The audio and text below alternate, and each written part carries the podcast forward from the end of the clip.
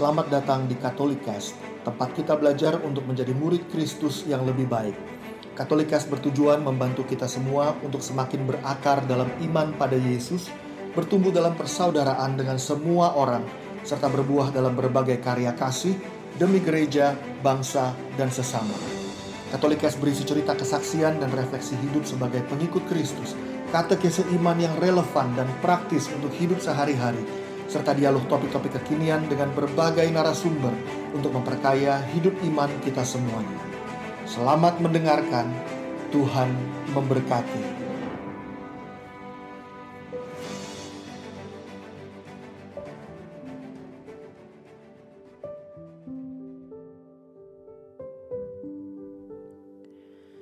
Cerita hutan bakau di tiga episode yang lalu membawa saya pada hari ini. Semua yang ada hari ini dibangun atas reruntuhan diri, kemarahan, kebencian, kesombongan, ketidakmampuan untuk berdamai, penolakan akan rahmat dan kasih Tuhan. Seorang anak perempuan yang pernah berpikir bahwa she's a princess. Tapi kayaknya sih she was a princess. Atau malah jangan-jangan dia tidak pernah menjadi seorang princess sama sekali. Karena pada kenyataannya dia tidak diperlakukan seperti seorang princess, seorang tuan putri. Ini cerita seorang anak perempuan yang menolak rahmat Allah dan menghujat Tuhannya. Yes, I was a wretch. Setelah kejadian di hutan bakau itu, fast forward 20 tahun dari hutan bakau itu. Hari ini, begitu banyak yang saya lalui. Begitu banyak hutan-hutan lain yang saya jalani. Begitu banyak lembah hitam kelam, jurang dalam yang waktu itu saya lihat benar-benar saya jalani. Tapi ya, namanya manusia, nggak ada kapok-kapoknya kan? Nggak ada belajar-belajarnya juga. Tetap aja ngulang hal yang sama, kesalahan yang sama, kejatuhan yang sama. So this is my story yang terungkap dalam deretan kata-kata yang terdengar indah kalau teman-teman membaca cerita ini di blog saya atau mendengarkan podcast ini, cerita ini sama sekali bukan cerita yang saya banggakan. Ini cerita tentang my failures, my faults, my sins. Tapi juga justru melalui hal-hal yang tidak saya banggakan, saya menemukan apa yang disebut Amazing Grace. Setelah hutan bakau sampai hari ini, terkadang saya masih termenung kalau mengingat kejadian itu. Sejujurnya, ada riwayat gangguan emosi di dalam keluarga saya. I always wondering, akankah saya mengidap gangguan emosi itu? Karena saya pernah baca gangguan emosi itu katanya menurun ke anak perempuannya. Dan satu-satunya hipotesa yang mungkin bisa menjawab apa yang terjadi dengan saya saat saat peristiwa hutan bakau itu adalah mungkin saat itu saya juga mengalami gangguan emosi atau mungkin gangguan jiwa. Kayak pernah nggak baca ceritanya Shirley Mason. Uh, dia ditulis dalam buku berjudul Sibyl yang mengalami split personality sampai 16 personality. Salah satu yang diterapi dalam kondisi split personality itu adalah memory loss. Jadi cocok kan sama kondisi saya waktu itu? But anyway, apa pun sebabnya, proses setelah hutan bakau adalah proses panjang my womanhood journey. Dan proses itu membawa saya pada tahap berikutnya. Proses perjalanan keperempuanan saya. Proses perubahan dari seorang perempuan yang mengasihani dirinya sendiri. Beralih menjadi seorang perempuan yang ingin mengalahkan semua pihak. Mengambil apa yang bisa ia ambil. Dan hanya peduli pada satu hal yaitu bagaimana ia bisa bahagia. I was transformed from desolating woman to a dominating woman yang sebenarnya adalah proses pertahanan diri yang saya lakukan dengan kekuatan saya sendiri. Waktu sebuah pribadi yang orang-orang panggil Tuhan tidak melindungi saya, tidak membela saya. Siapa, kepada siapa saya harus bergantung? Diri saya sendiri kan? Setelah peristiwa itu saya kembali dekat dengan beberapa lelaki. Karena saya sudah terlalu jijik dengan diri saya sendiri, menganggap tubuh ini sampah, dan percaya bahwa hidup saya tidak dikehendaki maka saya cenderung membiarkan tubuh ini digunakan dan menggunakan. Buat saya sudah tidak ada artinya lah sok-sok bermoral, menjaga kesucian kek, atau apa pun lah namanya. Just enjoy the ride and go with the flow. Pokoknya jangan sampai hamil duluan kan atau kena sexual transmitted disease. Beres kan? pusing-pusing amat. Mesti begini, begitu. Toh dengan begini begitu juga tidak membawa saya kepada kebahagiaan. Saya juga menjadi seseorang yang sangat negatif dan pahit akan segala hal. Sulit sekali memandang sesuatu dengan perspektif yang baik dan berpengharapan. Kalau saya terkesan menerima orang apa adanya, bukan karena saya punya kebesaran hati, tapi karena saya memanage ekspektasi saya terhadap orang lain dan berpandangan, ya udah deh, emang nggak punya harapan tuh orang. Daripada sebel sendiri, terima aja lah. Itu sikap saya terutama itu sikap saya kepada makhluk yang bernama laki-laki. Saya menjadi seorang feminis dengan mental dan cara pandang menggunakan. Karena buat saya, hidup ini semua cuma hitung-hitungan. Kalau saya nggak pakai, ya saya akan dipakai. Again, simple kan? Waktu peristiwa ini terjadi, sebelum hutan bakau itu, saya sudah aktif di kegiatan rohani. Sering diminta membantu sebagai worship leader atau pemimpin pujian. Itu karena kemampuan saya bernyanyi. Yes, saya memang marah sama Tuhan dan kalau jadi worship leader, puji-pujian yaitu urusannya pasti sama Tuhan. Tapi saya kan juga memerlukan aktualisasi diri dan teman-teman yang ada di pelayanan juga saya butuhkan untuk menemani saya. Karena prinsip saya memang menggunakan, ya sah-sah aja kan. Kalau pelayanan bisa membuat hidup saya mendingan, ya kenapa juga? Saya kan bisa juga sok-sok rohani. Hal ini mengajarkan saya tidak semua orang yang kelihatan demikian suci berdiri di depan seakan-akan dia paling suci, benar-benar ada dalam kondisi yang suci atau dalam tanda kutip rohani.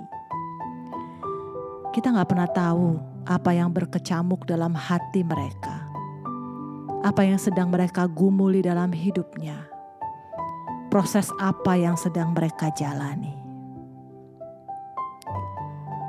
Sampai ada satu masa saya membaca dua buku sekuler yang membawa saya kepada keputusan bahwa saya akan mencoba berubah. Keputusan untuk bergantung pada kekuatan diri saya sendiri, membenci dan menjauh dari rahmat Allah. Harus diakui, sebenarnya itu justru membuat saya makin melemah. Tapi saya tidak pernah menyadarinya atau saya menyadarinya tapi terlalu gengsi buat mengakuinya. Masa udah sok-sokan berani bilang mau ke neraka aja daripada ke surga. Eh, balik lagi minta bayan. Hehe, tidak semudah itu Ferguson.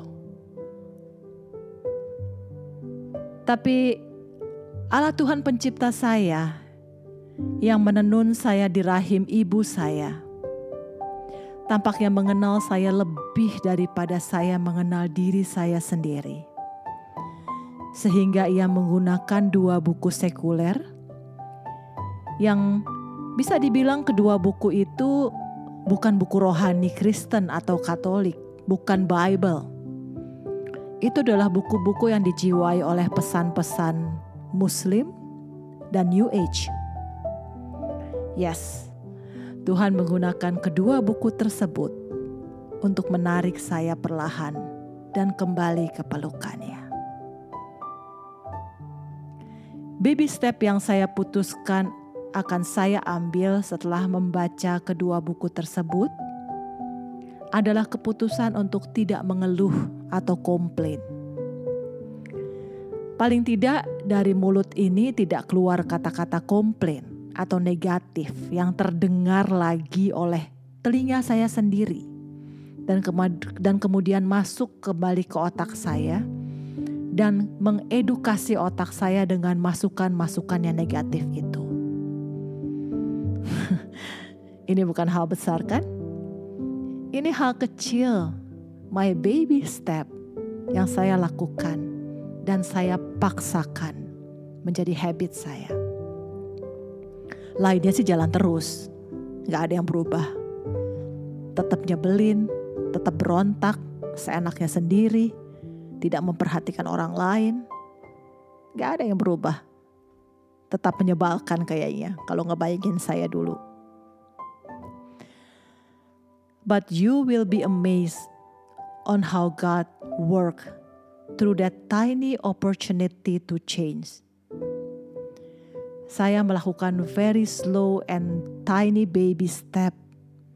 Tapi Tuhan tidak mempedulikan penolakan, hujatan, dan kesengajaan saya melakukan dosa. Sebaliknya, ia terus merahmati saya dengan kekuatan untuk mau terus melakukan that baby steps dengan setia.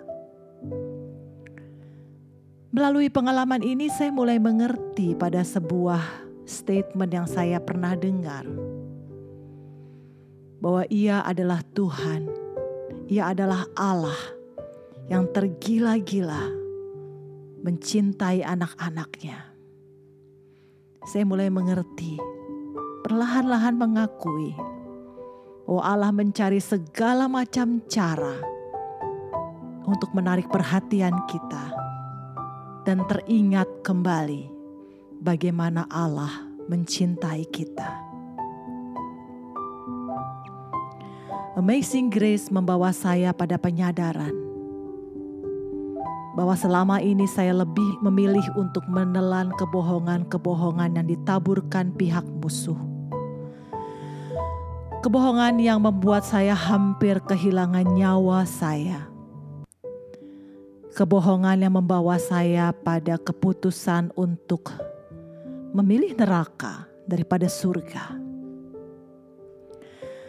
Kehancuran dan ketidakberdayaan inilah yang membuat saya ingin membagikannya kepada sahabat perempuan di luar sana. Rahmat dan belas kasihan Tuhan yang menarik saya demikian kuat.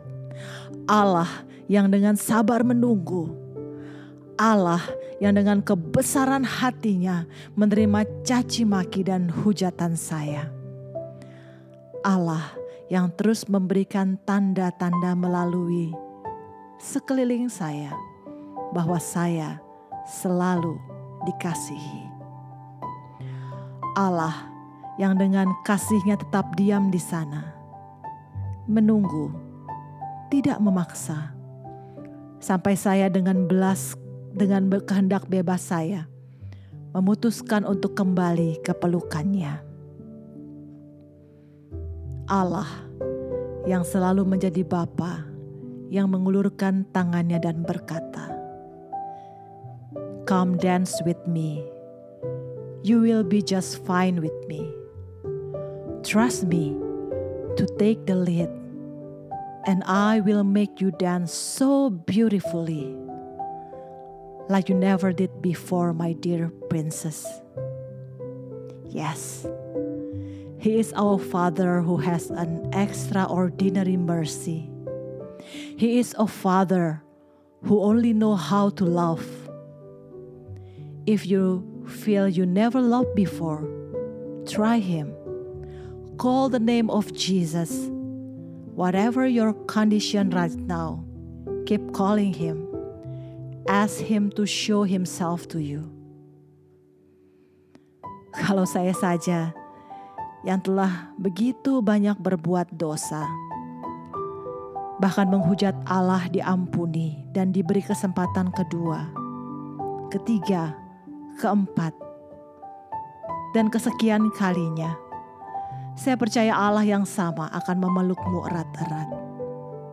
So my fellow princess out there, apa pun yang terjadi dalam hidupmu saat ini, di saat engkau terjatuh, engkau merasa tertimbun puing-puing masa lalu dan tidak dapat berdiri lagi.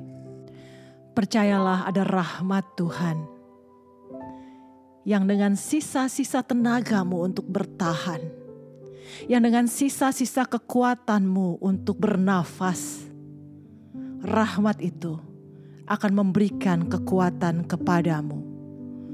Seperti saya melakukan that baby steps, rahmat yang sama dari Allah yang hidup akan memberikan kekuatan itu juga kepadamu.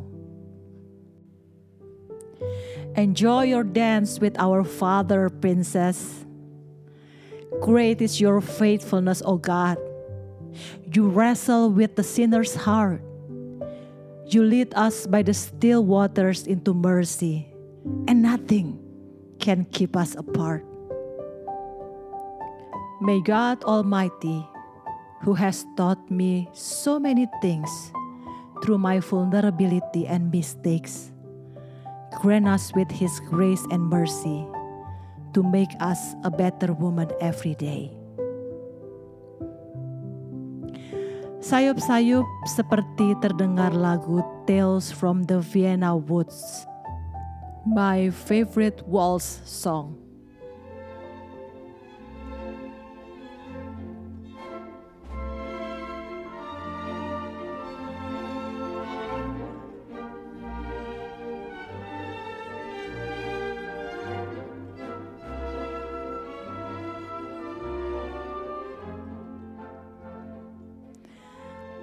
Whatever happened in life, I want to keep dancing with you, Father.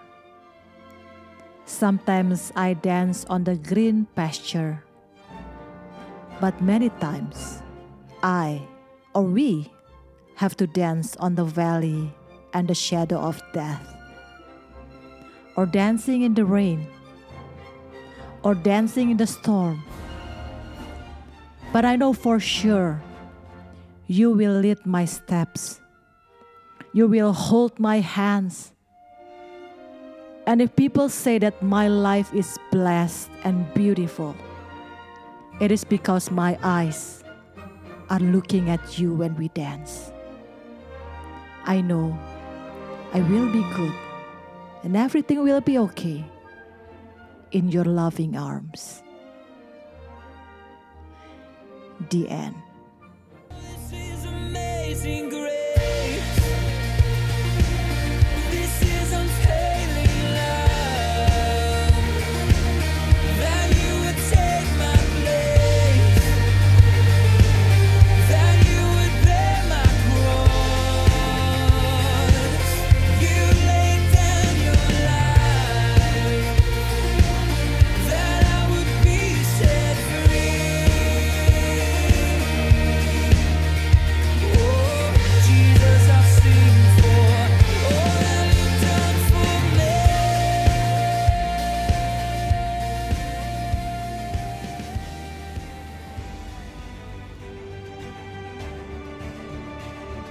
Terima kasih telah mendengarkan podcast ini.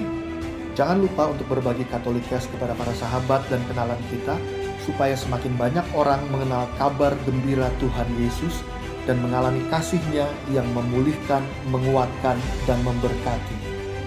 Sampai jumpa di episode Katolikes yang lain.